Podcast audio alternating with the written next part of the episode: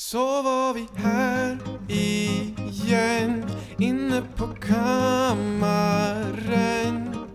Med Platon i första Descartes i andra Zacapa i tredje och Brezjnak i fjärde. Nu blir det filosofi Hallå ute i stugorna. Halli hallå. Det har blivit vårt sätt att introducera podden på. Det känns väldigt... Eh, Trevligt. Ja, det känns väldigt nationellt liksom. Ja. Alla bor ju inte i Uppsala i en studentlägenhet, utan vissa bor ute i stugor också. Ja, precis. Jag hoppas det är många ute i stugorna där som sitter och väntar spänt på lördagarna när de ska kunna höra det här. Precis, men nu sitter vi återigen inne på Max kammare. Ja, precis. I ehm, matsalen. I matsalen. Ja, det, det, det, huruvida det kan kallas för matsal är en sak, men det är en bättre beskrivning än kammare i alla fall. Ja, precis. Hur står det till med dig Frank? Ehm, ja, men eh, som eh, man brukar säga efter uh, hällregn kommer sol, eller efter solsken kommer hällregn, men idag vill jag säga efter arbetskonferens kommer buffé. det står jävligt bra till. Ja, okej. Har du varit på buffé alltså? Nej, men en metaforisk buffé. Ja, okej. Ja, livets buffé. Livets buffé. Mm. Livet är en enda stor kallskänk. det där lät lite... Vi ska inte gå in på tolkningar av det. Eh, nej, nej, men det, det är bra. Skolan är lite... eh, första... Nu har vi inne på en psykiatrikurs och nu är det allvar i början liksom. Nu måste man faktiskt börja engagera sig. Mm. Jag, jag sa på något seminarium vi hade att det här är ju faktiskt första kursen man måste engagera sig i och det var någon som ropade weird flex men eh, faktiskt är det så. Nu, nu kan man inte bullshitta riktigt längre utan nu har man liksom en tydlig guidebok i DSM-5 som man måste utgå ifrån och man måste faktiskt förstå det man läser. Precis. Your actions have consequences. ja precis, my actions have consequences. Det är något som är tydligt. Hur står det till själv då? Nej, det står till ganska bra. Eh, lite likt dig så måste jag eh, ta eh, och engagera mig nu. För att nu har vi ju metodkurs. Tror jag nämnde det förra eh, avsnittet också. Men eh, nu får vi uppgifter varje dag. Och eh, då, jag har liksom, jag har genomgått en liten så här crisis of faith, om man så vill säga. Ehm, så dels så har jag jag har kanske eh, kastat av mig mina sista såna här eh, marxistiska eh, påverkningar.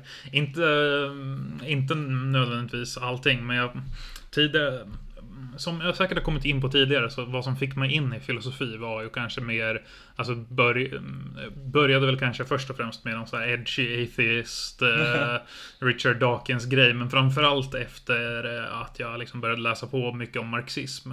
Och sen vill jag bredda det och nu har jag liksom, nu har jag läst så pass mycket att jag kan med säkerhet i princip säga att liksom Marx hade mer fel än rätt. Eh, Han hade väldigt mycket rätt eh, och det finns väldigt konstiga perspektiv som är att Marx inte hade rätt överhuvudtaget från Timbro-människor. Men eh, eh, Marx hade mer fel än rätt. Okej, om det är någon fiende jag verkligen vill göra mig. Ja. Alltså, många Det fiender är vi har- Timbro. Ja, det, det det, är nämnde Timbro. vi i Ayn Rand-avsnittet också. Alltså de, det, det kan jag nämna i varje avsnitt. Timbro, de... eh, Jag, det är inte så att, inte nödvändigtvis fiender, jag bara respekterar dem inte intellektuellt.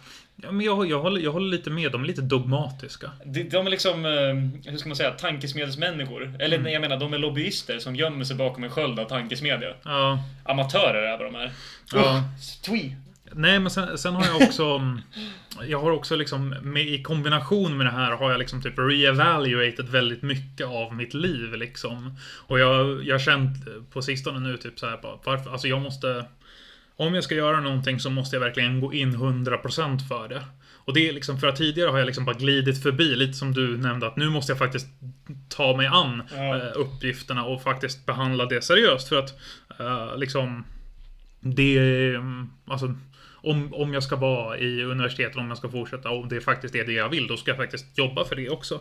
Eh, Medan tidigare har jag varit liksom, ja men jag vill ut och, jag vill ut och liksom eh, gå på krogen och jag vill gå på fester och så. så. Ja men vad jag, vad jag menar är liksom, ehm, jag har blivit lite mer så här, eh, jag har fått struktur i livet. Det är kanske vad som framförallt kan kategoriseras i det. Och det i sin tur har avspeglat sig på att det, det är ganska härligt att ha struktur. Och jag har gått till varje dag till eh, liksom eh, Blåsenhus här där jag har eh, undervisningar och då läser jag och då blir jag faktiskt engagerad. Det var som i, det var som i gymnasiet när jag slutade hänga med en, med en vängrupp där ett litet tag. Och bara satt och läste böcker. Och det var ju kanske inte kul att Eh, bara sitta och läsa som så. Mer kul hade man kanske haft om man satt och bara snackade skit. Men gud vad mycket mer eh, liksom läst jag fick göra och jag, gud vad vilka sju mila kliv i filosofi jag tog. Men då är jag din antites för tillfälle. Som eh, om du säger att du har funnit struktur. Så jag som eh, nybliven singel som lever i ett eh, strukturellt kaos där man inte vet om man ska lägga all sin tid på... För jag menar om det är något eh, singellivet gör ju, det frigör ju tid. Ja. Och nej, men ramarna försvinner. Du, du har en stabil rokoko-ram som du byter ut mot något Ikea-rangligt eh, och du vet inte riktigt var du ska hänga upp den. Ja, Eh, fan vad stolt jag är över den där metaforen. jag vet inte om det makar sense. Men jag menar, för, då liksom kommer ska, ska jag lägga allt mitt, all min energi på någon jävla psykiatrikurs? Ska jag bli maratonlöpare? Eller ska fucka ut på någon resa till Sibirien? Valen är oändliga, men eh, ja. idag valde jag filosofi. Ja, vi ska se om eh, vad vi ska diskutera idag kanske kan ge lite ordning. För det är ju en ganska genomgående tema här. Det här är ju av alla avsnitt vi någonsin har haft så tror jag det här max, det här är nog det du är mest pepp på ändå. Ja, alltså jag har ju i, i och med min sån här crisis of faith så har jag ju liksom reevaluated väldigt mycket. Och jag har liksom Vi ska prata om Källing idag. Och eh, jag har inte liksom tagit mig an Källing frivilligt om jag säger så. Alltså, jag, när jag började plugga på Södertörn så var den första kursen, det var den texten av Källing som vi har läst idag. Eh, jag har läst hela, Frank har läst övervägande bitar. Eh, och det är filosofiska undersökningar om den mänskliga frihetens väsen. Den hade vi som kurslitteratur för hela den första kursen. Hur många poäng var det? Eh, det var eh, 7,5. Gud vad mysigt. Ja, den tillsammans med den Fichte-texten vi läste på eh, var med där. Men det var en B-kurs. Eh, precis, det var B-kursen i Mm. filosofi på Södertörn. Det är hon som har översatt den här boken till svenska, Marcia Sa Cavalcante. Det var hon som eh, under, undervisade den också. Så att, eh, shout-out till dig. Du kommer säkert bli jättebesviken på hur, eh, hur jag butcher eh, Källing här idag. Men i alla fall, jag har varit väldigt... Men liksom, då får ju hon som översätter den, får inte hon en viss... eh, Jag vet inte hur det funkar när du översätter. Får man bara en så här klumpsumma eller får man en del av bokförsäljningen? Jag tror man får en del av bokförsäljningen när man köper den. Jag jag- rekommenderar alla att köpa den här boken så att eh, hon, jag kan återgälda den smärta som om hon skulle höra den här, eh, ja, säkert åsamkar. När jag inte representerar Källing i en... För jag har ju något så instinktivt, intuitivt som säger bara Nope. O- oavsett varför eller hur, när någon föreläsare själv tjänar på boken man ska köpa, då blir det bara fuck no. Ja, men det här är ju, det här är ju faktiskt också... Det är, inte, det är skillnad för att det är inte hon som har skrivit den skulle jag säga. Ja. Eh, Visst, till- innan vi går in på Källing så ska vi, Ska vi ha, ha lite i glasen. glasen? Eh, jag tog och valde idag från, eh, jag kommer inte ihåg om har druckit det i något annat avsnitt. Mm, nej, det tror jag inte. I alla fall, det, det är en öl som var... I somras så var min favoritöl Finn eh, veteöl. Ja, som, eh, Summer Wheat. Det var en väldigt god. Precis. Eh, Det var jag som rekommenderade det. Det var det och det var en väldigt bra rekommendation. Den brukade jag ha när jag, eh, när jag rensade svamp. Det var väldigt mysigt. Eh, Mm. Men i alla fall då såg jag idag att eh, Finn har en Winter Ale. Och jag Precis. tänker varför inte återuppleva sommarens fagra minnen genom att omformulera dem till en grå tristess. Ja, Ska vi se hur de smakar då? Oj, oj, oj. vilket härligt ljud. Vilket knak. Vi är som betingade Pavlovhundar. Så fort det knakar blir man glad. Vad man ska säga här också, det är en Winter Ale. Det är inte en julöl och därför så får ni dricka den just nu. Uh, julölen får ni inte börja dricka förrän åtminstone efter första advent. Eh, så, eh, men eftersom att det är Winter Ale, det är inget tomtar eller sånt, det är bara lite snö, så helt okej att dricka just nu. Precis som att man får dricka glögg just nu. Du får inte dricka julmust. Det får du inte göra. Okej. Om glöggen har jul i namnet. Mm. Det, nej, det går nog inte. Nej. Men eh, det är lite så här. Glögg har alltid varit en mer vinterdryck. Nu ska vi avgöra hur den här, den luktar otroligt gott. Alltså mycket humle, eh, Mm. karamell, eh, lite fruktigt. Det är amerikansk humle i den här, det känner man. Mm. Ja, det påminner starkt om sommar. Ja, Samma... de har förmodligen använt samma humle. Mm. Den har en väldigt, den har en citruskaraktär. Um, Nej, jag, jag diggar det, jag diggar det. mm. Jag funderar på burken här. Den är ju så här, det är lila och det är någon mysig vinterstuga där det kommer rök i skorstenen. Man får verkligen den här mysiga julkänslan när man Ja, tittar på den. ute i stugorna. Precis, precis, men jag funderar på som vi pratade om i annat avsnitt, någon, eh, någon öl som fick avslag för att de hade en, eh, ett par som var ute och rodde på midsommar eller Ja. något. För att det, var, men hur, det här är väl precis, mi- minst lika förhärligande av alkohol som att man sitter och myser inne på vintern. Ja, alltså statens vägar är outgrundliga. Men då så, då, efter att ha rätt ut våra strukturella pros och cons i livet så ska vi då gå in på Mr Källing. Precis. Och um, jag tänkte att vi börjar med att berätta vem Källing är. För att Källing är ju väldigt okänd. Han är nästa steg på Hegelstegen. Ja, och i princip sista steget egentligen. Så du, i den här bilden av stegen tänker du att vi har klättrat en stege och sen kommer vi upp på taket som är Hegel, eller? Precis, precis. Det är liksom, det här är sista steppet. Så då blir, kommer vi upp på Hegeltegel. Ja, precis. Eh, Yes. Men i alla fall så, Källing han är ju född eh, 1775. Eh, han dör senare 1854. Så han lever ganska länge, han blir 79 år gammal. Eh, för den tiden är det väldigt gammalt. Eh, Men redan vid 15 års ålder så började han stu- studera teologi i Tübingen.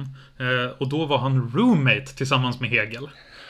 Det är väldigt kul att tänka sig att de typ är så här i en dorm med liksom bunkbeds eller något sånt. Det kan ju bli någon sån här komediserie. Ja. På den här tiden så var de faktiskt goda polare liksom. Och de är väldigt, påverkar väldigt mycket varandra i det här tidiga stadiet. Det ska sägas att uh, Källing karaktäriseras verkligen av att han i princip byter filosofi lite titt som tätt. Det är inte så att han en- förkastar allt han tidigare skrivit och börjar på något nytt. Men alltså han ändrar inriktning Mm. hela tiden. Eh, och det brukar man säga reflekterar att han levde på en tid som var väldigt flexibel och så. Men i alla fall, efter det, så eh, 1798, då blev han professor i Jena. eh, Där senare Hegel skulle gå och komma och bli professor. Och det här var på grund av att Goethe, ja poeten Goethe som vi alla känner till, hade rekommenderat honom som professor. Eh, Och där jobbade han tillsammans med Fichte, som vi har pratat om. Eh, Men han fick, hade ingen fast lön. Han fick liksom, han var betald på kommission helt enkelt. Eh, så att han var en fattig, eh, fattig professor i Jena. Och han började umgås med eh, romantikerna. Jag nämnde tidigare att Fichte och framförallt Källing är liksom de som är de stora romantikerna. För den tyska idealismen. Och de som verkligen grundar den inriktningen. Så där började han hänga med Novalis eh, Som är en känd romantiker. Och med bröderna Schlegel. Men vänta, time out. Finns det bröderna Schlegel? Ja, det är, du har Friedrich Schlegel som är den mer filosofiska och poetiska. Och sen så har du eh, Henrik Wilhelm Schlegel. Det blir bara bättre och bättre. Det är som en sån här skitdålig version av Mario Brothers. The Schlegel Brothers. Någon tysk dubbad version. Ja, det är underbart. Eh, men de, liksom det här tillsammans med kontakten med dem och med Goethe så lyckas de utbilda den här, eh, eller skapa den här romantiska filosofin. Och ehm, sedan eh, 1870, eller 18, inte 1870, 1807, då skickar Hegel, för då när han har flyttat till Jena så har de separerats från varandra. Och ehm, Hegel skickar då sin utkast till andens fenomenologi. Det är den texten vi väl kommer ta oss an eh, när vi ska ta oss an Hegel. Säsong 3. Eh, och eh, han var väldigt förvånad, Källing, för att han, de hade inte pratat jättemycket på sistone.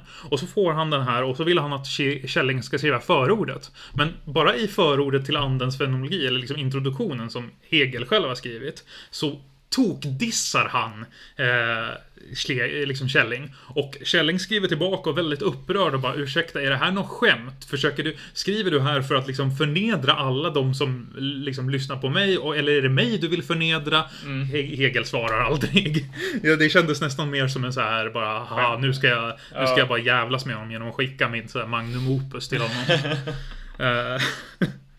Men det är också mm, en sak som Hegel säger till mm, Schelling.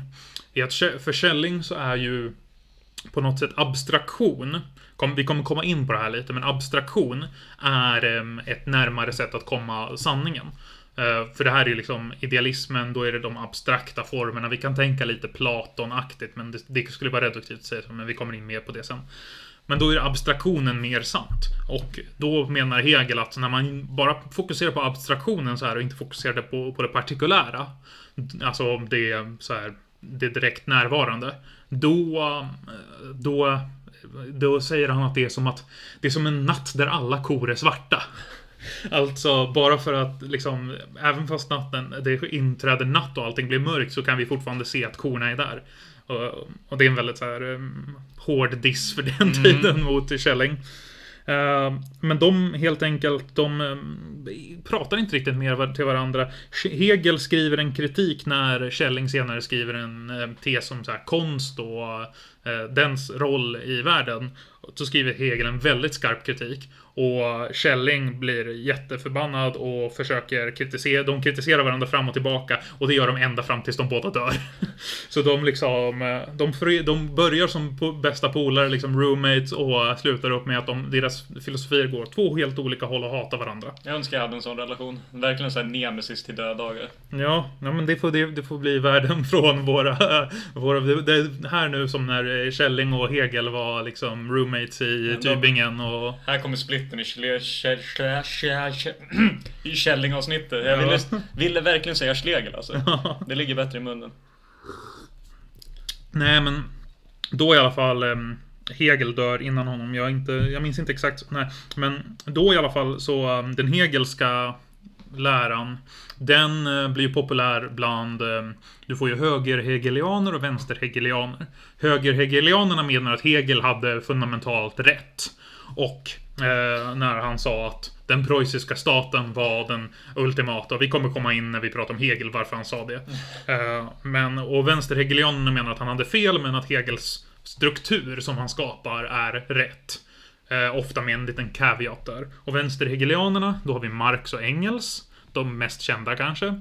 Ludwig Feuerbach, som eh, han studerar, han menar att eh, krist, att det, istället, liksom, kristendomen är en reflektion av den mänskliga naturen snarare än att eh, det är eh, snarare att det är tvärtom, att den mänskliga naturen har någon divinitet. Sen så en som heter Max Stirner som jag tycker att vi någon gång måste prata om, för han är väldigt intressant. Han pratar om eh, liksom människans natur är inhemskt självisk, men att själviskhet kan faktiskt skapa ett samhälle där alla kan liksom existera i någon form av eh, harmoni med varandra. Eh, vad han kallar för eh, egoisternas förbund. Välkommen till Sverige. Eh, så det är, väl, det är väldigt intressant. Men de här i alla fall, de vänder sig alla mot kristendomen. De säger, de vill riva ner den. De menar att det här är illusioner, det här är lögner, det här för, det här för liksom ehm, som Marx säger att eh, religionen är folkets opium och då är det kanske det snällaste han säger. Bruno Bauer till exempel, där han är en sån pass radikal ateist att han vägrar tillåta, han tycker inte att judar till exempel har någon rätt att hävda att de inte, att de blir dåligt behandlade. För att de ska inte, de ska inte försöka hävda sig själva som judar i, i det tyska i Tyskland då, i slutet på 1900-talet. Men det- Eller slutet på, eh, inte slutet på, 19, slutet på 1800-talet. De ska inte hävda sig som judar. De ska sluta vara judar för att man ska vara ateist. Men det, det Marx menar med att religion är folkets opium. Det är ju inte som, alltså, Precis, det är ju inte det, att det, det är inte, det är inte att det liksom är att de blir drogade. För Att det kommer från folket är ju vad han menar. Han menar att det är hjärtat, det är en hjärtlös värld. Precis, att det är, det är, något, och det är behov som religionen från det fyller. djur som är, lever under slaveri. Eh, och han säger, avslutar ju den meningen med att säga att när, in, när man inte längre söker eh, räddningen i eh, det gudomliga, då börjar man söka rädd, frihet på jorden. Eh, och um, det är, jag tycker det är ganska fint formulerat, men det finns saker man kan kritisera i där. eh, som i mycket. I alla fall, eh, då inkallas Källing för att eh, av Eh, där, eh, härskaren över Preussen då, eh, den Fredrik Wilhelm. Han kallas till Berlin för att, quote, bekämpa den hegelska panteismens draksådd. Och att han skulle komma, inte som en vanlig professor, utan som en av Gud utvalde och till tidens lärare kallade filosofen vars vishet, erfarenhet och karaktärsstyrka konungen för höjandet av sin egen kraft önskade i sin närhet. Han ville liksom, han hat, Fredrik Wilhelm började verkligen hata vad som hade orsakats av Hegel. Han tyckte om Hegel när Hegel sa att Woho, you go, försten. Men eh, nu har de som följde Hegel vänt sig emot eh, konungen och då ska, då ska Källing komma dit. Och sagt och gjort, han gör det för att Källing har inte liksom, han har inget jobb. Han har levt i, skugg, han har levt i skuggan av Hegel hela tiden. Eh, lite som vi kommer komma in när vi pratar Schopenhauer. Så i princip alla tyska filosofer under den tiden var, levde i skuggan av Hegel. Eh, Och framförallt Källing för att de var ganska lika varandra och Hegel hela tiden tokdissade honom. Mhm. Men då när han kommer dit, då är det jättefullt. Det är tokfullt för alla tänker nu har den nya den nya store filosofen har anlänt. Vi hade Hegel, vem ska fylla hans rum? Jo, här kommer Schelling. Folk står alltså, precis som under Hegel, de står trängda upp mot väggarna. På de här föreläsningarna så finns det vissa kända personer. Till, till exempel så var Sören Kierkegaard var närvarande. Mhm. Eh, han sa så här. eh, eh, nu ska vi se. Han klagade på att uh, Källing talade olidligt nonsens och att han aldrig avslutade föreläsningarna i tid. Sådana föreläsare känner vi ju till. Det låter väldigt rimligt utifrån det, det jag läste av Källing. Han verkar ha svårt att komma till kritan. Ja, han är väldigt, uh, han är väldigt rörig, uh, skulle jag säga. Fast jag föredrar som föreläsare som är röriga. Ja, jag tycker det är trevligt De också. som är väldigt fyrkantiga och bara har sin powerpoint att utgå från, de är oftast inte bra. Men de som faktiskt spårar ur när de får en fråga från publiken, det är rent guld. Ja, precis. För de vet ju oftast vad de pratar om på ett annat sätt än vad de andra gör. Ja. Uh, Friedrich Engels var också där. Han var, och han skrev att han var bara där för att han skulle försvara Hegels ära. Så han var den här jobbiga som hela tiden satt och räckte upp handen och skulle motargumentera vad föreläsaren, gud. föreläsaren sa. Där sjönk min respekt för Engels väldigt mycket. ja, alltså den sjunker ofta när man kollar in närmare på honom. Och sen så Mikhail Bakunin. Mikhail Bakunin är ju en av anarkismens eh, grund, grundläggande tänkare. Han är väldigt avig. Bland annat kritiserar han Marx för att Marx är jude och då menar han att det är bara därför som han vill nationalisera bankerna. Och så här, han, är, han är galet antisemitisk. eh, och har massa konstiga tankar. Så att, Eh, kanske den sämsta också bland här anarkister eh, som någon kan erbjuda. Men vad han sa, och han var den som var mest positiv till det här, även fast eh, Bakunin avskyr Gud. Mm. Så säger han att eh, eh, det var intressant men han tyckte att det var irrelevant. Det fanns inget värde i vad eh, eh Källing sa. Mm, mm. Men det var inte bara de här som påverkades utav Källing. Eh, Det var ju också här i Uppsala, skulle jag nästan argumentera, att det kanske är det stället där Källing har haft absolut mest inverkan. För under hela tiden i Tyskland så levde han mer eller mindre i skuggan utav eh, Hegelteglet. Men Sverige nåddes aldrig riktigt av Hegel förrän 1900-talet. Så eh, de, till exempel så när vi pratade Uppsala så visste vi att eh, Atterbom han åkte ju ner och träffade Källing. Han träffade också Hegel. Eh, han träffade inte Fichte tror jag. Men han träffade ju Schlegelbröderna och, Förlåt, jag kan inte hålla mig. och alla dem. Eh, och han var ju verkligen den som fick in eh, Källing väldigt stort här. Ja. Erik Gustav Geijer var väldigt stort fan utav Mm. Källing. Israel Hwasser, jättestort fan av Källing. Eh, Och Krist- eh, Kristoffer Jakob Boström, han är ju på något sätt den som framförallt byggde vidare på Källing. Eh, annars har det i princip, alltså i och med Hegels kritik så är det nästan ingen som byggde vidare på eh, på Källing. Men du- utan det var ju mer att Källing dog lite med sig självt. Men du som före detta filosofistudent i både Uppsala och Söder- Södertörn, skulle Mm. du kunna säga att du på något ser att Källings eh, arv på något sätt lever vidare vid Uppsala universitet idag? Nej, det skulle jag absolut inte göra. Det försvann där i början Det av- dör kanske med Det dör med att Hegel blir mer populär. Och jag tycker Mm. inte nödvändigtvis att det är dåligt att Hegel blir mer populär, men jag tycker att Källing har så mycket att komma med. Att liksom, att man har, han har gått förlorad, det är ju det är stor synd. Och det är därför som jag verkligen, jag ska Jag har satt som personligt mål just nu, personligt filosofiskt mål, är att jag måste få, få händerna på Atterbom och eh, Boströms texter. Och också till viss del Israel, eller inte Israel Hwasser, eh, eh, Benjamin Höjers. Mhm. För att faktiskt läsa på vad de här hade att säga. Det, för i Källing tycker jag är jättebra. Så att, Ja. I alla fall. ehm, så det var ju, han var ju jättestor här. Här, liksom, här var han ju den största filosofen på, till mångt och mycket. Men ehm, sen när han skulle komma dit i alla fall och försvara och han höll de här föreläsningarna. Då så ville han inte publicera, att då folk som satt där skulle publicera hans verk.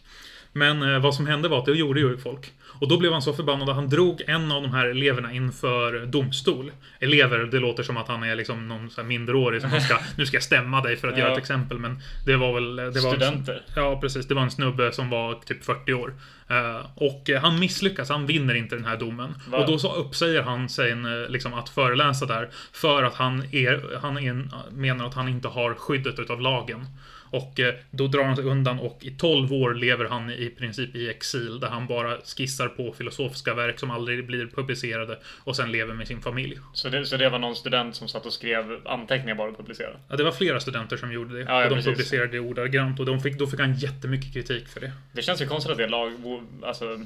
Det känns lite skevt att det är lagligt. Det var ju, alltså, det var ju, han uppfattade ju, det var inte lagligt. Det var ju därför han kunde stämma honom. Men staten sa 'fuck you' till honom Ja, ändå. de sa, de, han, och det var därför som han gav upp. Och där har vi ju då spiken i kistan för att eh, Hegels påstående att preussiska staten var den bästa någonsin. Ja, precis. Ja. Eh, vad jag ska säga är, mm, innan vi kommer in nu på vad Schelling pratar om, så tycker jag vi har ju nämnt det här om romantik och jag tycker inte riktigt att vi har varit jättekonkreta. Så jag har tre stycken citat här. Från eh, Schellings väldigt närstående, hans vänner. Vad de säger att romantik är. Då kör vi nummer ett. Den första kommer från Novalis. Och Novalis, eh, han säger så här. Att, eh, om romantik. Att romantisera världen betyder att uppfatta den som en kontinuitet i vilken allting hänger samman med allt. Först genom denna poetiska romantiseringsaktion blir världens ursprungliga totalitet, liksom dess egentliga mening, möjlig att ana och att kommunicera. Det här är ju varför, eh, som vi pratade om i Uppsala-avsnittet, varför Per Daniel Amadeus Atterbom valde att skriva sin filosofi i form av dikt. Eh, vidare så har vi, här har vi ett citat från Goethe, poeten. Och um, det här, jag tror det här kommer från eh, eh, Den unge Werthers lidande faktiskt. Den boken som Ja. fick eh, ungdomar i Tyskland att ta livet av sig för att de var Precis. så hjärtekrossade. Precis. Det är, Eh, det är inte... Det är, som, att det faktiskt var en grej, om det nu var en grej, eller om det bara är en myt. Det är ju Ja. helt absurt. Det är ju som om någon skulle se på men inte jag, Titanic och när de är 90 hoppar de av en båt. Liksom, Ja. Det är det är som så här, video Ja, games, video games don't cause violence, men Werthers lidande orsakar självmord. Det märker ingen sens för mig. Ja, precis. Nej, men man kan ju tänka att man kanske, man existerar ju också i en värld där man inte har tillgång till lika mycket media som stimulerar. Så Nej. att medan vi- video games don't cause violence kanske är mer för att man har 5000 olika saker att Precis. konsumera. Men på den här tiden så kanske du hade En bok som fuckar upp ditt liv. Ja, precis. I alla fall, eh, han skriver så här. Och det här är ett väldigt poetiskt uttryck. Jag hoppas att du eh, kom, hänger med på vad han menar. Och bergets topp där borta. Ack, stod du där och blickade över nejden. Och de slingrande å, eh, åsarna. De täckta dalsänkorna. Ack, kunde jag förlora mig bland dem. Jag ilade dit och vände tillbaka och hade inte funnit vad jag hoppades att finnas. O, det är med det avlägsna som med framtiden. Ett stort obestämt. Helt skymtar för vår själ. Våra känslor drunknar där i, liksom vårt öga. Och ack, vi längtar att ge oss hän med hela vårt väsen. Låt oss fyllas av en enda stor härlig känslans hela sällhet. Och ack, när vi skyndar oss dit, när det där borta blir ett här. Då är det allt som förut och vi står där i vårt armod, i vår begränsning. Ja, Hajar du vad han försöker mena? Ja, han säger att han har generellt ångestsyndrom. Nej, men... ehm, ja, men han ser väl... eh, jag tolkar det som att han eh, försöker förmedla skönheten i det temporala på något konstigt, liksom förväntningar och ovisshet. Ja, alltså... Vad det huvudsakligen skulle jag hamna, pra- mena är att det är ogreppbarheten. Som, alltså så vissa saker har en inneboende ogreppbarhet. Mm. Och att om man ska beskriva det, då kan man inte reducera det. För Precis, att precis, om men- du reducerar det så förlorar du. Men- Till exempel om du blickar ut så här över nejden, du ser de fina vackra dalarna. Om du går bort dit där det va- va- Ja, vackra ja, ja. är, då ser du inte längre det. Då är det borta. Ja, okej. ja, ja, jag vidhåller att min temporala tolkning inte är fel. Nej, jag tycker inte att Den är nödvändigtvis guld. fel. Den är rätt. Du har fel Max. Okej. Jag skulle inte säga att de är motsättningar. Nummer tre. Nummer tre kommer från din favoritsnubbe. Friedrich Hegel. Friedrich Schlegel. nu har du fått mig att säga det. Vänta, sa du Schlegel? Jag sa Hegel först, men det är Schlegel. Det är Schlegel. Skål för Schlegel. Mm, skål för Schlegel. Jag ska fan byta namn till Schlegel. Han skriver så här. ja, det dyrbaraste som människan äger. Den inre tillfredsställelsen avhänger själv, som var och en lätt kan inse, någonstans i sista hand av en sådan punkt som måste lämnas i dunkel, men som i gengäld bär upp det hela och som skulle kunna förlora denna kraft i samma ögonblick som man ville upplösa den i förstånd. Mm, mm där har vi, den skulle jag säga konkretiserar romantiken väldigt tydligt. Att det är förståndet man eh, gör en polemik mot på något sätt och ser det negativa i. Precis. För att eh, det här, det här är varför jag tycker att romantiken borde vara, alltså, om vi kollar idag, postmoderna Postmoderna tänkare är ju ofta någon form av radikal form av modernitet. Där moderniteten vänder sig mot sig självt. Och alltså vad betyder postmodernitet? Ja men det betyder ju liksom en form av allmänt rådande skepsis inför vad liksom, sam- vad vi håller för sant narrativ och så vidare. Det är väldigt svårt att eh, förklara det om inte vi ska ta upp hela avsnittet om det. Men alltså de håller sig fortfarande i den här upplysningens rationalitet. Och jag tycker att roman- romantikerna är, liksom vi behöver reevaluate dem. Liksom för att kunna röra oss framåt. För att vi just nu är lite för inkörda på det här. Och jag menar att de har helt rätt. Schlegel här har helt rätt. När han menar att liksom, man kan inte upplösa allting i förstånd. För att vissa saker har en ogreppbarhet i dess inre natur. Precis, det är ju som Super Mario säger att eh, om... Eh, eller, eller som första, eller som Goethe sa där också när du går nära... Jag skulle säga, ja men på något sätt det abstrakta som du romantiserar. Om du går in på detaljen så förlorar det sin karaktär. För det är inte samma grej du har bildat en mental bild och förväntningar om. Exakt. Det Det är är- som en tvål som man häftigt försöker gripa tag i. Ja, eller jag skulle säga liksom... eh, Ja men som om du blickar ut över landskapet när du går fram är det ju ändå bara träd. Och du förlorar he- helhetsperspektivet. På samma sätt när jag tänker på... eh, ja men inte vet jag om jag tänker på en eh, kul fest jag var på. Mm. Så tänker jag, har jag en känsla för den, jag vaknar kanske med bakisångest eller jag vaknar glad och bara gud vad kul det var. Men om jag går in på detaljen och tittar igenom mina snapbilder, då Ja. kanske det inte är så jävla kul längre. Så jag romantiserar bilden av en fest. Och när Ja. jag går in på detaljerna då, ska förs- då kommer förstånd och bara holy fuck, det här var inte så bra. Precis, men där gör ju också problemet att det där är också ställt på ett sätt att vi har det verkliga och sen har vi romantiseringen som en form av irre irrealitet. Här menar de ju att det är snarare det romantiska och sen så genom att konkretisera det så förlorar du en del av vad som faktiskt är inneboende i verkligheten. Precis, och det som vi sa i förra avsnittet, om jag fick fram min poäng där, att eh, för mig i alla fall så är det mentala precis lika verkligt som allt det övriga. Jag är inte dualist på något sätt. Ja, Men jag menar att med. eh, det... eh, När du grottar ner i detaljer så förändras ju ändå din mentalisering av till exempel landskapet. Det är en karaktär, en, en grej. Men sen när du går in på detaljer så blir det en helt annan grej. Ja. Så det är inte, det är inte, går inte, jag tänker inte de går emot varandra utan båda har sin funktion. Vad det går emot är ju den här eh, tanken om, och vi kommer komma in på det här lite senare, men det är tanken om reduktiv materialism. Att man tror att man kan liksom gå ner för och ju närmare någon typ av basförteelse man kommer. Desto, till exempel typ att träden är mer verkliga än skogen. Skulle vara ett sånt perspektiv. Eh, Men vi kan gå vidare i alla fall för att eh, där har vi en bra grund för vad Källing kommer komma in på här. Yes. Och vi kan då ta och kolla tillbaka lite på vad vi sa när vi pratade Fichte. Ehm, han bör, för Källing börjar utifrån, han jobbar tillsammans med Fichte där i Jena. Vilken Eh, dream team. Ja, verkligen.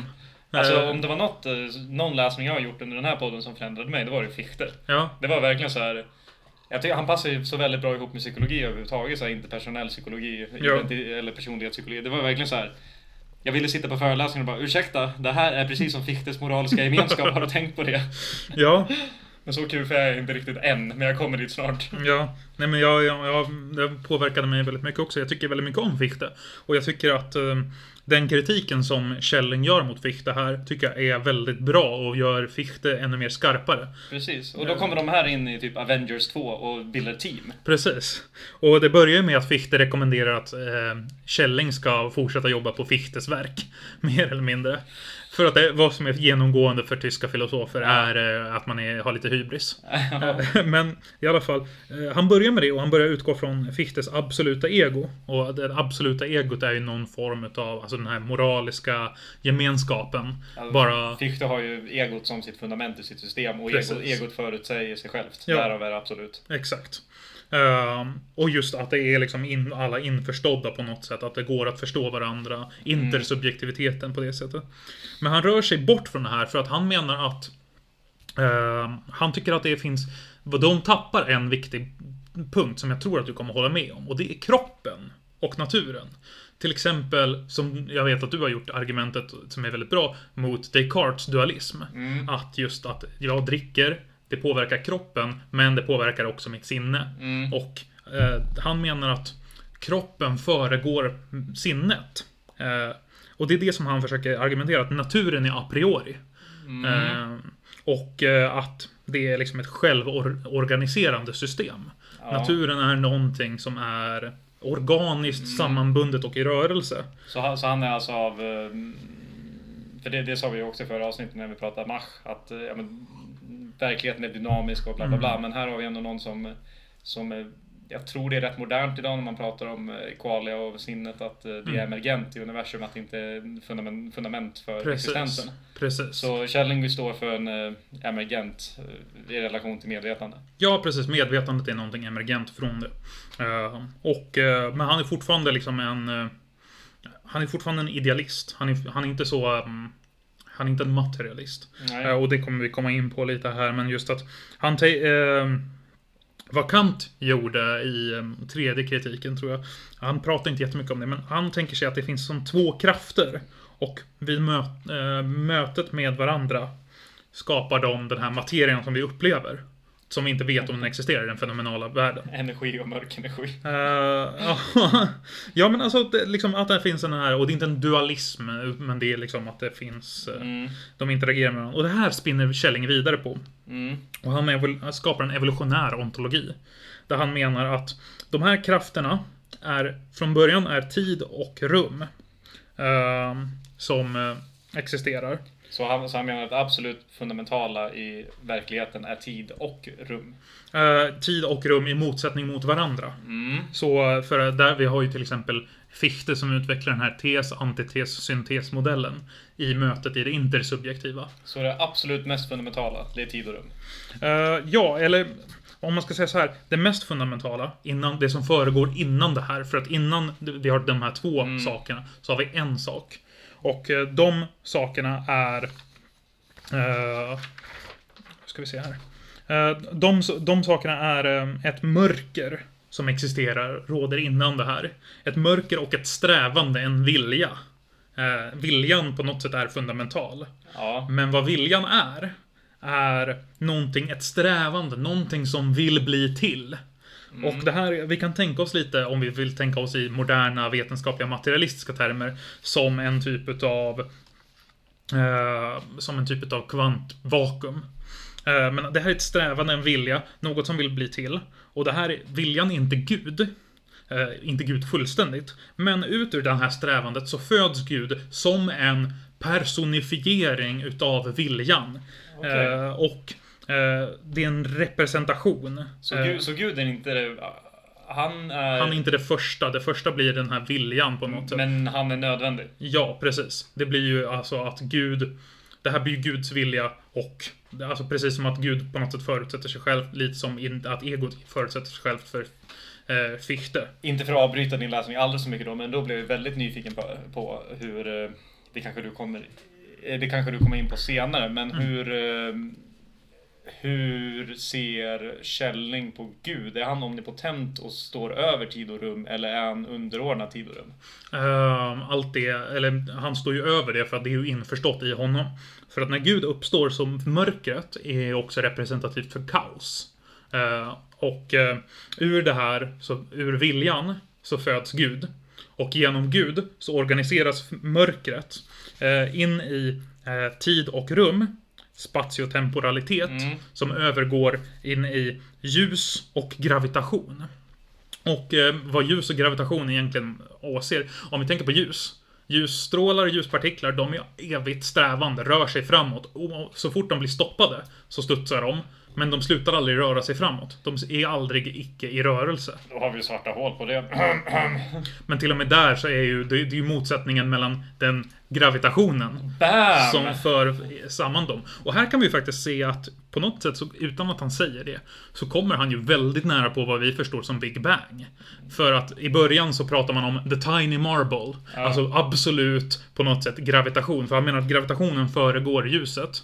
Och att den här absoluta gravitationen sen utökar. Och då i det så får vi ju ljus. Och så att han menar att de funda mest fundamentala krafterna som vi kan prata om, det är en kontraktiv kraft som kontraherar och en expansiv kraft som expanderar. Ljus och gravitation. För det här har ju många som eh, mm, vi har pratat om i den här säsongen i alla fall, säkert någon i förra också, och som vi kom till Schopenhauer. Det är ju många av de här som på något sätt eh, på något sätt beskriver någon version av en Big Bang. Mm. Några... Ja, Poe gjorde det och Ja, Poe också. Till och med Poe liksom. Och jag kommer inte ihåg när Big Bang faktiskt teoretiserades. det men- var ju på liksom, mitten på 1900-talet. Ja, precis. Och jag vet inte om jag tycker att, eh, att så många tänkare skriva om det innan Mm. är till argumentets fördel eller till nackdel. För jag kan tänka mig nästan att det på något sätt byggs in i någon så här eh, filosofisk kultur. Att Mm. eh, man har det med sig och sen kanske man istället applicerar matematik för att bevisa något man redan undermedvetet förutsätter. Ja, alltså vad man ska tänka på när man pratar Big Bang så var ju att den, alla gjorde narr utav Big Bang. Ja, ja, det, det är sant i och för sig. Men en, ändå... det var ju det som, Big Bang kom ju från ett så här skämt och bara haha, allting börjar med en Big Bang. Ja, ja, men... Ja. Men vad han menar är att från de här liksom, krafterna i alla fall, eh, kontraktiv och eh, det kontraherande och den expanderande som föds materia. Materia består utav eh, krafter som håller dem samman och ljus eller energi som strävar att bli expa- att expandera. Mm. Eh, och ut ur materian eh, så ger det här upphov till två andra termer. Som är, så att om materien är syntesen så får vi nu de nya teserna som är magnetism och elektricitet. Och det här är innan Michael Faraday bevisar att magnetism och elektricitet är kopplat till varandra. Oj, oj, oj. Eh, så att Källing gör liksom så vetenskapliga påståenden som bevisas sanna i efterhand. Eh, vilket är väldigt kul. Faktum är att Faraday till stor del utgick från Källing när han eh, kollade på det här. Det var inte så att han nu ska bevisa att Källing har rätt, men han var medveten om Källings sådana hypotes. Och vi ser, i den här dialektiska modellen så ser vi ju verkligen att han är väldigt inspirerad utav Fichte. Och sen så från elektromagnetismen så ger det upphov till kemi. Och kemi ger upphov till livets grundsatser, som är retlighet och känslighet. Mm. Retlighet och känslighet ger upphov till vad han kallar för Bildungstreib, eller så en livskraft, en formgivande kraft. Eh, och det här ger upphov till självmedvetande och upplevelse. Och nu är vi tillbaka på det här transcendentala egot som Kant och Fichte har pratat om. Eh, Så att istället för att du börjar med egot och går utåt för att skapa världen, så börjar han med världen och går inåt och skapar egot. Precis, men då säger han ändå Han säger då att det inte är Gud som har skapat människan utan det är viljans strävande som ger upphov till Gud. Som i någon dominoeffekt ger upphov till människan. Precis. Eh, Men den här viljan är ju det som är, det är ju Gud. Men det är bara ett kort, liksom en... Instanserar... Precis, det är en opersonlig del utav Gud. Ah! För vad vi kommer in på här, näst, näst, nästa punkt, det är ju att eh, medvetandet är en högre grad utav naturen. Så han menar att liksom, ju högre upp vi går i, i, i enlighet med den här, desto mer utav en gudomlig kraft får vi. Så till exempel så kan vi säga, vi kan säga om eh, djur runt omkring oss. Vi kan säga om hundar, om fjärilar, om eh, fåglar. Vi kan se, se att de har en livskraft, den här Bildungstreib. Och de har liksom personlighet till viss grad. Och de har liksom en subjektivitet. Men de har inte självmedvetandet. De har inte förmågan att uppleva deras egen position i världen. Och, och därför kan de inte vara moraliska varelser heller. De har En ingen hund- metakognition helt Nej, enkelt. precis. En hund som kommer och biter dig. Det är inte att hunden är en omoralisk och ond hund. Det är för att förmo- den här hunden antingen reagerar på att den har en inlärd otrygghet eller att, den, att du har gjort någonting mot hunden. Alltså det, det tar vi till ett annat avsnitt men jag vill ju göra exakt samma argument för människor. Men vad, vad han menar här är att vi har möjlighet att tänka vidare än det. Vi är fortfarande begränsade av det, det är fortfarande en del utav oss. Och det här kommer vi komma in på, för att senare så vänder han sig mot, han kritiserar Spinoza. Eh, och eh, argumenterar liksom för att vi kan se motsättning mellan vad som kallas för vitalism å ena sidan och reduktiv materialism. Eh, vitalism är tanken om att saker som lever är fundamentalt annorlunda från saker som inte lever. Mm. Och reduktiv materialism menar att nej, det är de inte. De är alla samma sak. Det är Francis Bacon pratar om det här. Det här är Richard Dawkins. Det är väldigt tydligt att han tror på det här. Och liksom alla de här New Atheists. Man kan se det ganska pertinent bland även, även bland vissa, även bland liksom biologer. så är det ganska tog vi upp i förra avsnittet också. Ja, Hur eh, Mach och Bogdanov ser, eh, ser det mer som en organisatorisk evolution Mm. ut efter tid. precis. Eh, för att här har ju liksom, här kan man, man kan se här liksom hur han svarar på det är väldigt tydligt influenserad utav Goethe.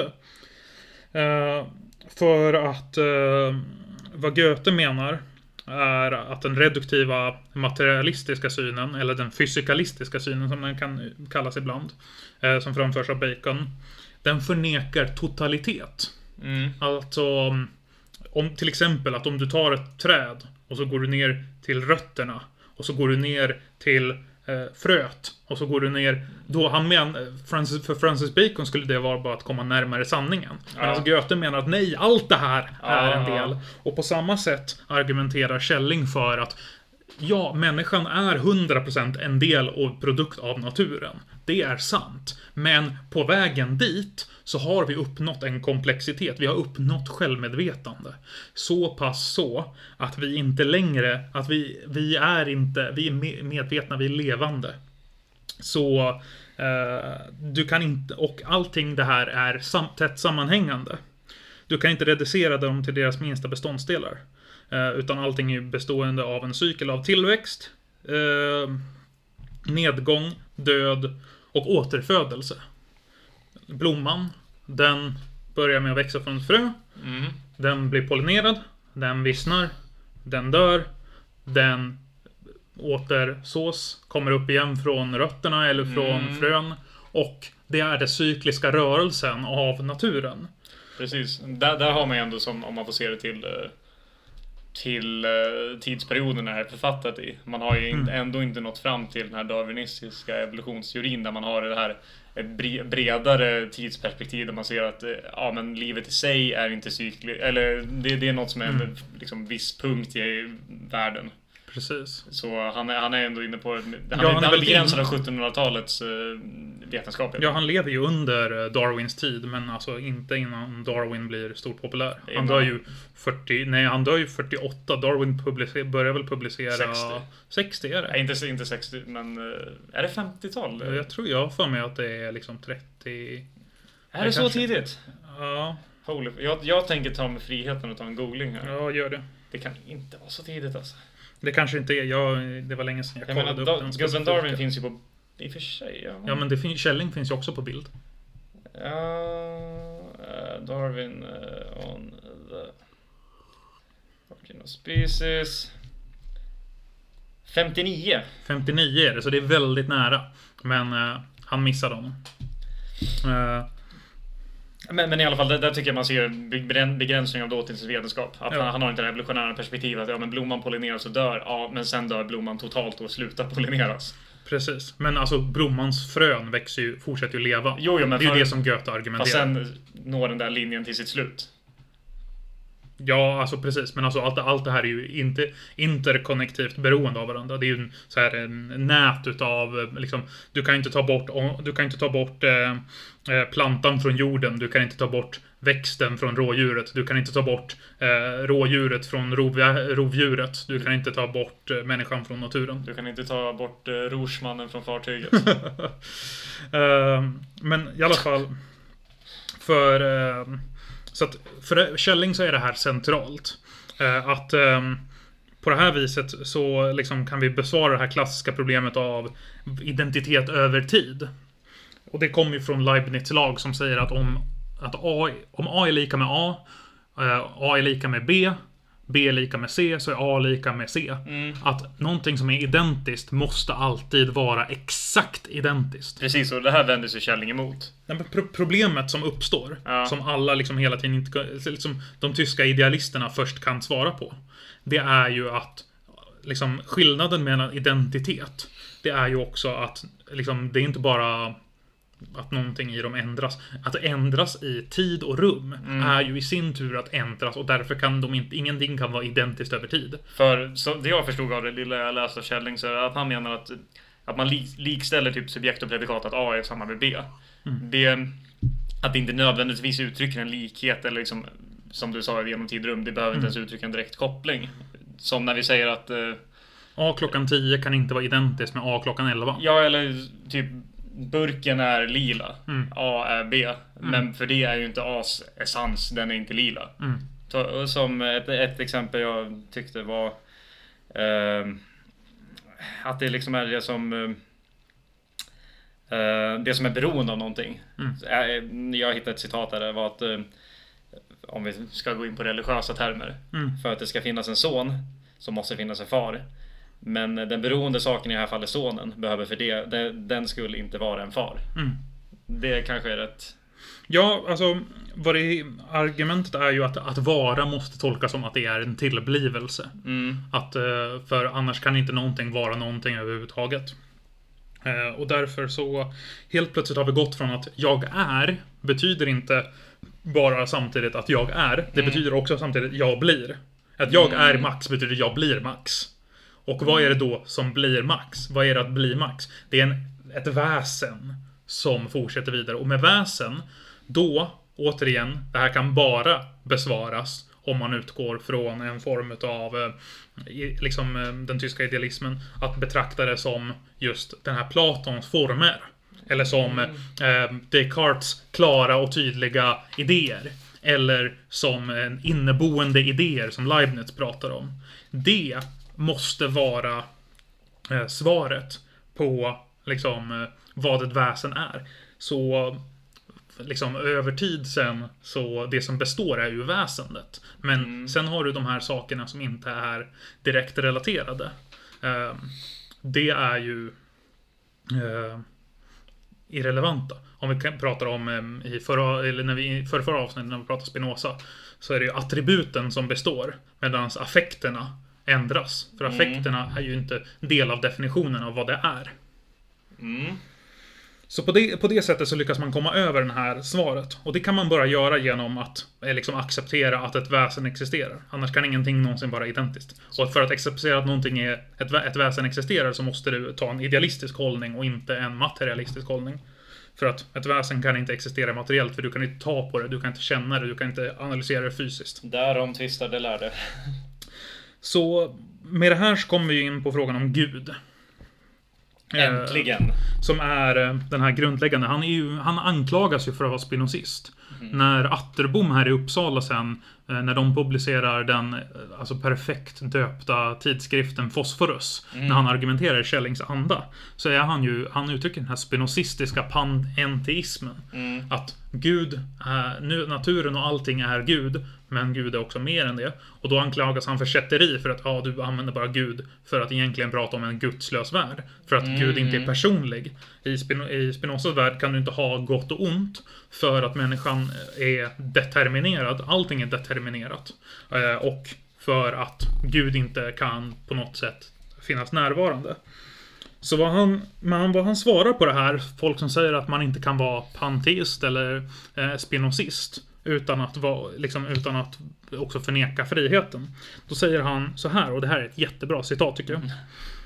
Han säger Absolut kausalitet i ett enskilt väsen lämnar endast kvar obetingad passivitet åt alla andra väsen.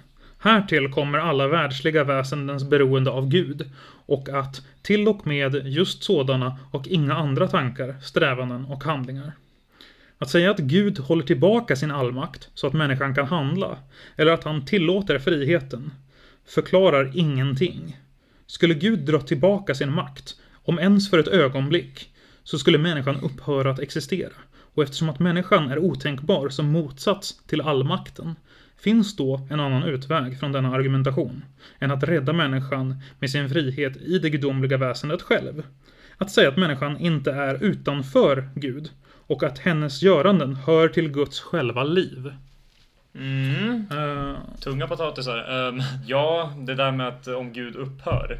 ja, Så det är också det här är att, samma som att säga att, att naturen upphör. Pre- Precis, och där, där vill jag upphör. återigen räcka upp eh, Schopenhauers, eh, då- Schopenhauer-dockan och säga att ja men när du likställer Gud med naturen så vrider du på ord på något sätt. För Men så, då har du inte lyssnat på vad jag sagt, för att här menar jag att naturen kommer från Gud, men Gud är större än naturen. Precis. Och då ser jag inte riktigt anledningen och... Ja, Jag, jag, jag förstår argumenten men samtidigt att säga att naturen är ju en del av Gud. Mm. Då är ju naturen Gud. Ja, men inte bara Gud. Nej, det inte- finns saker som är övernaturliga. Precis, men om Gud upphör så upphör allt att existera. Precis. Så då är det ändå Gud som är fundamental och inte naturen. Precis. Då, då, då kan jag köpa det. Ja. Det är det som han argumenterar. Eh, Men han menar ju också att för oss blir ju naturen fundamental, för att fundamental för naturen är Gud. Så att Gud är fundamental för oss. Vad han menar är- Men då kommer du in på någon panteism på något sätt ju. Ja, precis. Och det är ju det som han argumenterar för här. Ja, och, men den panteismen är... Ska den tolkas som... eh, vi precis sa det där om A lika med B. Att... Mm. eh, alltså att Gud inte är... Han är inte glaset. Mm. Men han är... eh, Det kommer jag in på här. Perfekt Ja. att du tar upp det just för att eh, här, alltså i det här så förstår vi då att vårt handlande, vår frihet i handlande uppgår alltså i gudomlighet. Så att frihet, fritt handlande är förstått som gudomligt, alltså eh, Guds själva liv. Guds natur är rationell, det vet vi från Johannes evangeliet. Yes. Eh, början där. Eh, I början var ordet och ordet var med Gud och ordet var Gud. Det Amen. har vi tillsammans med eh, det faktumet att ordet, eller den här strävandet, ordnar det kaoset, mörkret innan allting. Så Mm. att i början var ordet, strävandet, och ordet var med Gud. Gud, det ger upphov till Gud. Och ordet var Gud. De är ett och samma. Jag önskar att eh, våra lyssnare kunde se hur Max eh, Gestikulerar. gestikulerar och verkligen lever sig in i eh, Källings teser här. Det här är nog det Jag mest levande avsnittet hittills. Jag tycker han har helt rätt. Men vad, vad man ska förstå här också är då att människan är inte en sterilt rationell varelse. Ej heller så är Gud. Gud är inte en gud av de döda, men en av de levande, är någonting som, Spino, eller som Schelling säger. Och vad menar han med det här? Jo, han argumenterar mot Spinoza. Han säger att eh, om det i Spinozas mening, och det här är Schopenhauer helt rätt, jag kritiserar Spino, den spinozistiska guden, Mm. är just att om, det bara, om Gud bara är naturlagar, eh, att Gud eh, så... Då är han död. Då är han en... Han säger det att det är, liksom, det är Gud som puttar runt, puttar den första biljardbollen, som sen börjar allting röra sig omkring. Mm. Och det här var vi inne lite på i förra avsnittet om Mach och så, att allting är inte bara biljardbollar som rullar omkring. Ja, för man, man får ju se, man får väl se Källing som både, som vi pratade om i förra avsnittet, han för väl både, precis lika mycket som han för polemik mot både Spinoza och Kant och den liksom filosofiska Ja. samtiden så för han ju också en polemik mot just den newtonska mekaniken. Det är ju det som han framförallt ar- argumenterar emot. Mm. Eh, han kom, jag kommer in lite på det här också för att det är väldigt intressant hur han argumenterar mot det.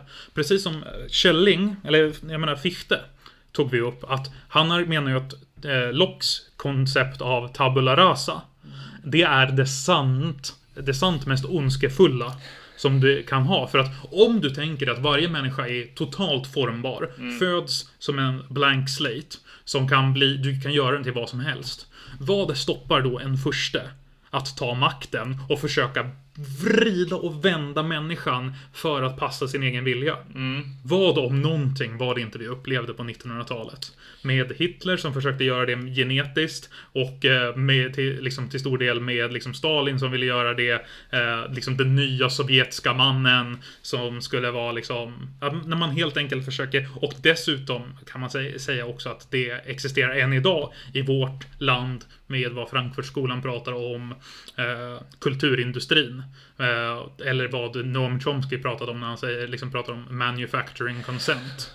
Att man ser, om man ser folk inte som, att, som bara liksom produkter utav sin natur och som ett blank slate så kommer man kunna göra vad man vill med dem. Jag tycker det är lite långtgående att koppla ihop eh, Chomskys eh, manufacturing consent med tabla rasa. Jag menar, Chomsky har ju ändå någon så här... eh, Ja, men det är ju det som han... han det ju, jag menar, alltså den processen som Chomsky beskriver Ja. är ju buren ur tabula rasa-filosofin. Du skulle säga det ändå? Ja, eh, alltså det är kanske inte medvetet gjort så, men alltså det Alltså, är... jag, jag, kan, jag kan se hur du kan dra upp en liksom dottad linje däremellan, men hela liksom, idén om manufacturing consent är ju så här, gru- liksom... Alltså det är väl mer så här eh, grupppsykologi på något sätt, hur man påverkar andra människor. Vilket inte på något sätt förutsätter en tabla rasa, utan Mm. alla är ju påverkbara, även fast du är en väldigt eh, välskriven bok. Ja, precis. Ja, men det var, ett, det var lite så här... Vad ska man säga? Out there exempel. Ja, Jag ville bara liksom bevisa att det är för att ibland ville vi tänka oss att vi idag lever ett så fritt och snällt liv och det gör vi det knappast. gör vi knappast. Eh, Men i alla fall, precis så, så argumenterar han ju mot de här liksom strikt reduktiva materialisterna. Eh, så när han säger att vår frihet uppgår i gudomligt handlande, vad betyder det då? Jo, att det som flödar från Gud eh, är en del i Gud, men Gud kan bara uppenbara sig för sig självt, till sig själv, genom vad som är, inte identiskt med honom, men vad som är likt honom. Och då är vi skapade i hans avbild. Precis. Gud, människan är skapad i Guds avbild. Och det här får vi då vad Fichte pratar om, gudagnistan som vi har inom oss. Och vad betyder då eh, gudagnistan? Jo, alltså kritiken mot, eh, eh, eller vad han med, kritiken mot allt det här och vad han menar med just eh, gudagnistan som så är ju att problemet som Spinoza har det är att eh, inte att liksom problemet är inte att om att allting som existerar är i Gud, men att det som existerar är ting. Att varandet är irreducibelt. Du kan inte gå ner till atomer och säga att allting är identiskt med atomer. Människan och eh, dessutom varje sak som är sammanhängande har blivit större än bara atomerna det består av. På samma sätt, för att om man ska göra det argumentet, då måste man till exempel också säga att Uppsala universitet existerar inte. Det består bara av människor som eh, liksom kommunicerar. Men det är fortfarande så att den här institutionen utverkar kraft. Precis som att den här stolen utverkar kraft genom att hålla upp mig. Det är fortfarande så att jag utverkar kraft genom mina ord att liksom påverka människor. Jag tycker det... Jag köper det här... Du är såld på källring, men jag tycker det här Fichte, hur han beskriver hur naturen åt, liksom, kom, uppstår genom hur man eh, bla bla bla perception och jada jada. Det, det köper jag mycket mer där. Men eh, om man ska på något sätt sammanfatta hans panteism, skulle man kunna säga att det är på något sätt en så här det organiska i relationen mellan Gud och världen. Ja, alltså... eh, vad, eh, vi kan, vad vi kommer in på väldigt bra är ju just mm, det, den si- sista punkten här. eh, och kanske den mest krångliga för att förstå honom. För att just nu så har vi förstått att världen är grundläggande bestående av en kontraherande kraft och en expanderande kraft. Göra någon förklaring varför det är så. Men han menar ju att för, från början har vi bara mörker, vi har kaos. Allting är oordnat, ingenting Ja. är eh, enat. Men Sen- han, han gör, förklarar han varför det är så? Eller Eh, bara antar han det? Hur menar du? Alltså, nej, han menar ju att icke-existens Ja, blir det ju då. ja, okej, okej. som, som så. Precis. Och eh, ja, icke-existens kan ju inte vara ordna, ordnat. precis. Eh, men, yes, men då... Så i begynnelsen har vi ett mörker, en strävan, en vilja. Eh, något som vill bli till. Det är inte Gud. Eh, och ur denna... Det här utgör liksom grunden, det här mörkret. Mm, Och ur den här grunden så uppstår ju Logos, som i början på Johannes evangeliet eh, och det ideella.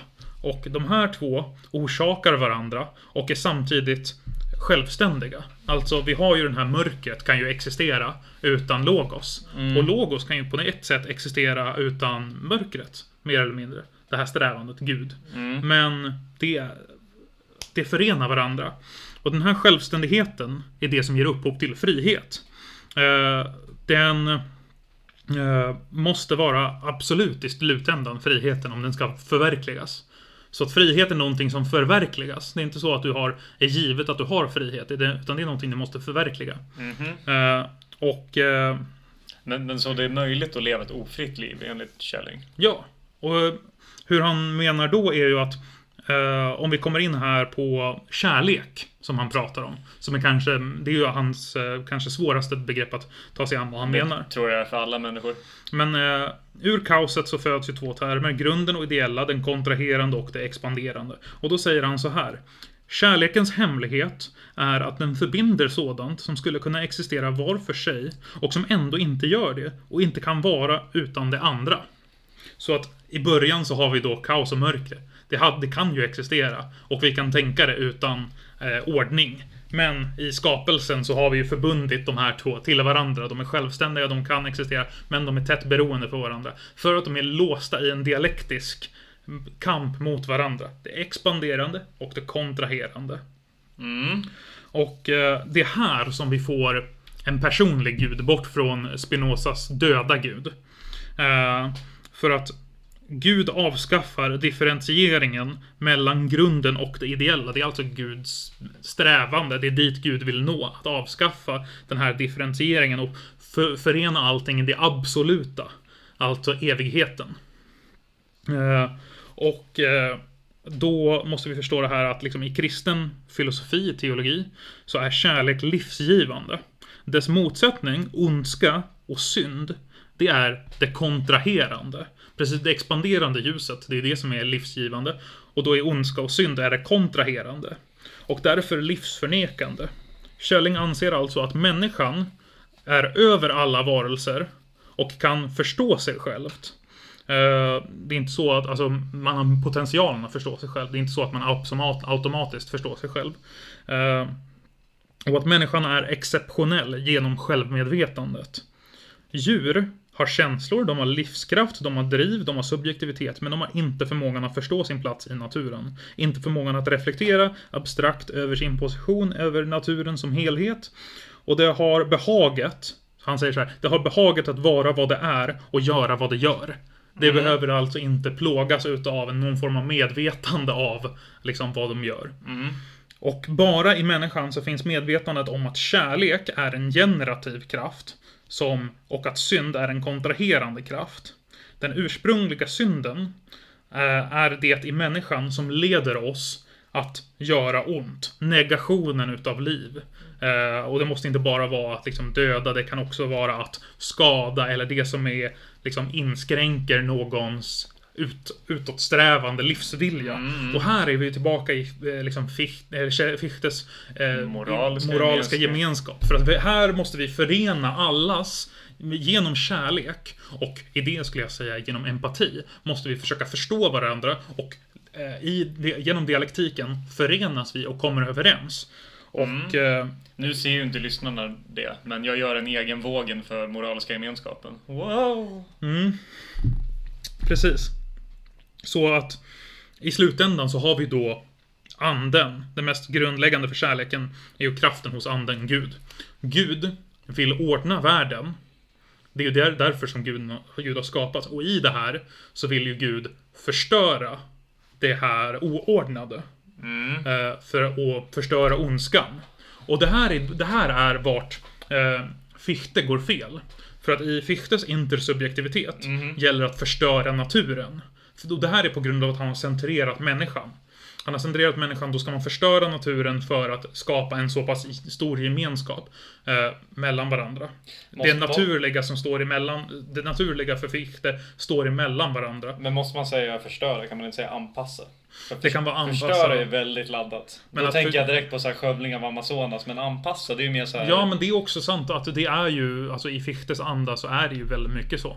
Han är ju mm. fortfarande väldigt mycket en upplysningstänkare som tänker... Vi kan tänka oss skillnaden mellan brittiska och eh, franska trädgårdar, om du känner till skillnaden. Usch, usch. Uh, ja. Den franska trädgården ska ju allting vara strikta ja. vinklar. Och det är kanske Fichte. Och, eh, i, för att den är, den är upplysningstänk. Medan ja. den brittiska är romantisk. Där ska det vara överväxt och man ska få låta naturen få eh, liksom lysa fram. Och det så, är kanske mer källing. Så för ett klargörande exempel så är väl botaniska Trädgården framför Botaniska i Uppsala, den är väl eh, brittisk? Mm, nej, den är ju fransk. Ja, jag menar den upplysning. Ja, ja. Precis. Jag blandar ihop den där, men den, är, den är franska. Ja. Det är raka och...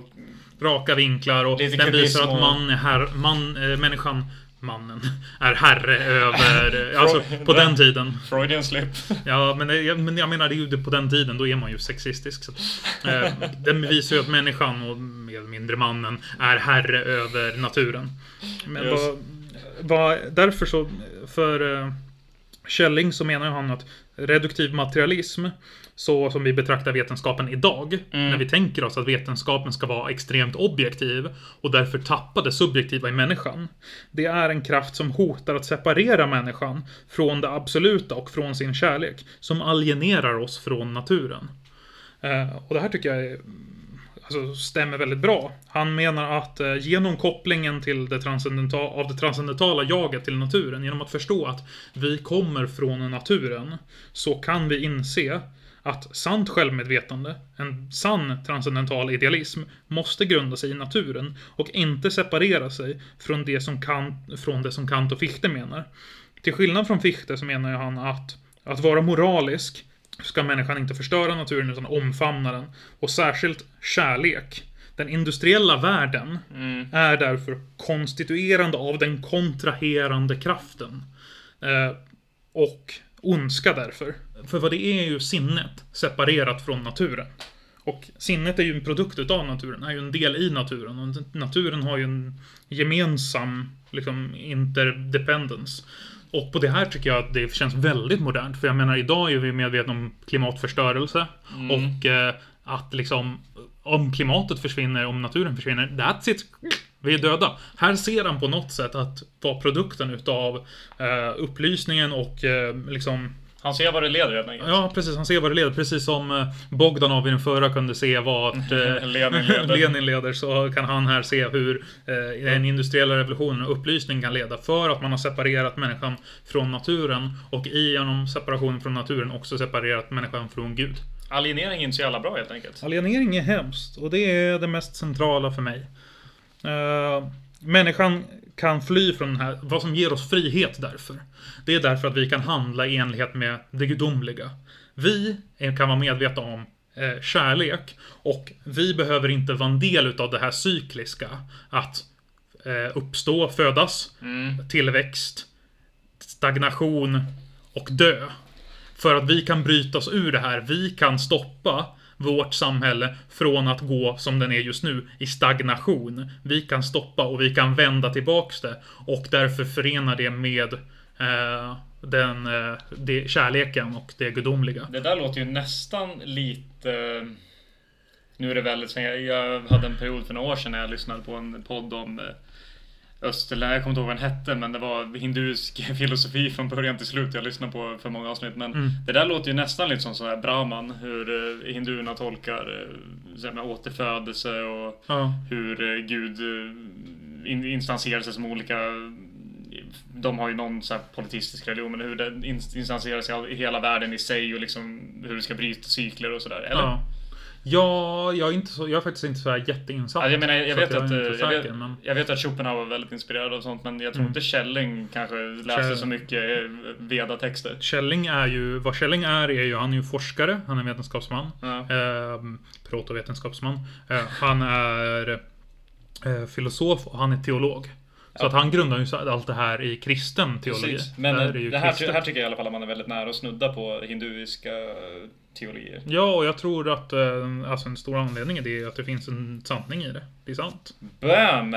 Så nu när vi har kämpat oss igenom Källing. Mm. Så som jag har sagt, jag, jag är inte lika imponerad av Källing som du är. Men om du fick eh, väldigt kort eh, i några punkter så här, sammanfatta vad som gör Källing så nu har vi sagt det i en timme här, men vad, om du bara får liksom spika upp här. Varför är Källing så bra just för dig? Alltså jag skulle, jag skulle säga att ehm, det, det är ett av de största problemen som vi har i världen och i samhället idag. Det är alienering. Och jag, alltså... Slavoj Zizek, eh, en av mina favoritfilosofer. Eh, faktum är att eh, Marcia, som har översatt boken, i hennes förord där så skriver hon just att Slavoj Zizek väldigt tydligt är influerad utav Källing. Men han brukar, han brukar prata om att eh, man måste återupptäcka alienation. Och han vill ju ha en eh, reasonable sense av alienering. Och jag kan förstå det, för att han brukar prata om att all liksom, tillväxt och eh, framskridande alltid bär med sig mer alienation. När vi gick till, in till samhället så var det helt plötsligt en arbetsfördelning. Det betyder att du var inte längre, du var inte längre ansvarig för att alltid få alltid få all mat på bordet. Eh, Och eh, man var alienerad från att införskaffa mat. Ja, när man går in i det kapitalistiska samhället är man ännu mer alienerad. Vad jag menar är den värsta typen. Alienering kan vara bra. Till exempel hans klassiska argument mot anarkism som jag 100% köper. Mm. Det är eh, det här att eh, liksom folk som vill gå jätte tillbaka till någon så här små communities som organiserar allt tillsammans. Fuck you! Jag vill inte behöva gå varje vecka och rösta om vart if- vem som ska ha hand om att vattnet kommer i eh, liksom till Nej, nej, huset. nej. Jag vill öppna vattenkran och få vatten. Det, det, är liksom, det är så det ska fungera. Så att viss form av alienation är bra. Men vad det, jag tycker är den dåliga alienationen är den som alienerar det mänskliga väsendet. Och till, det mänskliga väsendet förstår jag som själv, eh, liksom självförverkligande. Och då har Källing svaret på det. Då har Källing svaret på det. Jag, men, jag menar att eh, i grund och botten så det här mänskliga väsendet är ju eh, alltså sprunget ur eh, Gud. Mm, mm. Eh, Och du menar då Källings gud? Ja, eh, jag skulle säga att Källing är den som är bäst. Och det är inte riktigt eh, som alltid blir lite luddigt när man går in på de här filosoferna. Hur ter, ter sig... Eh, hur ter sig...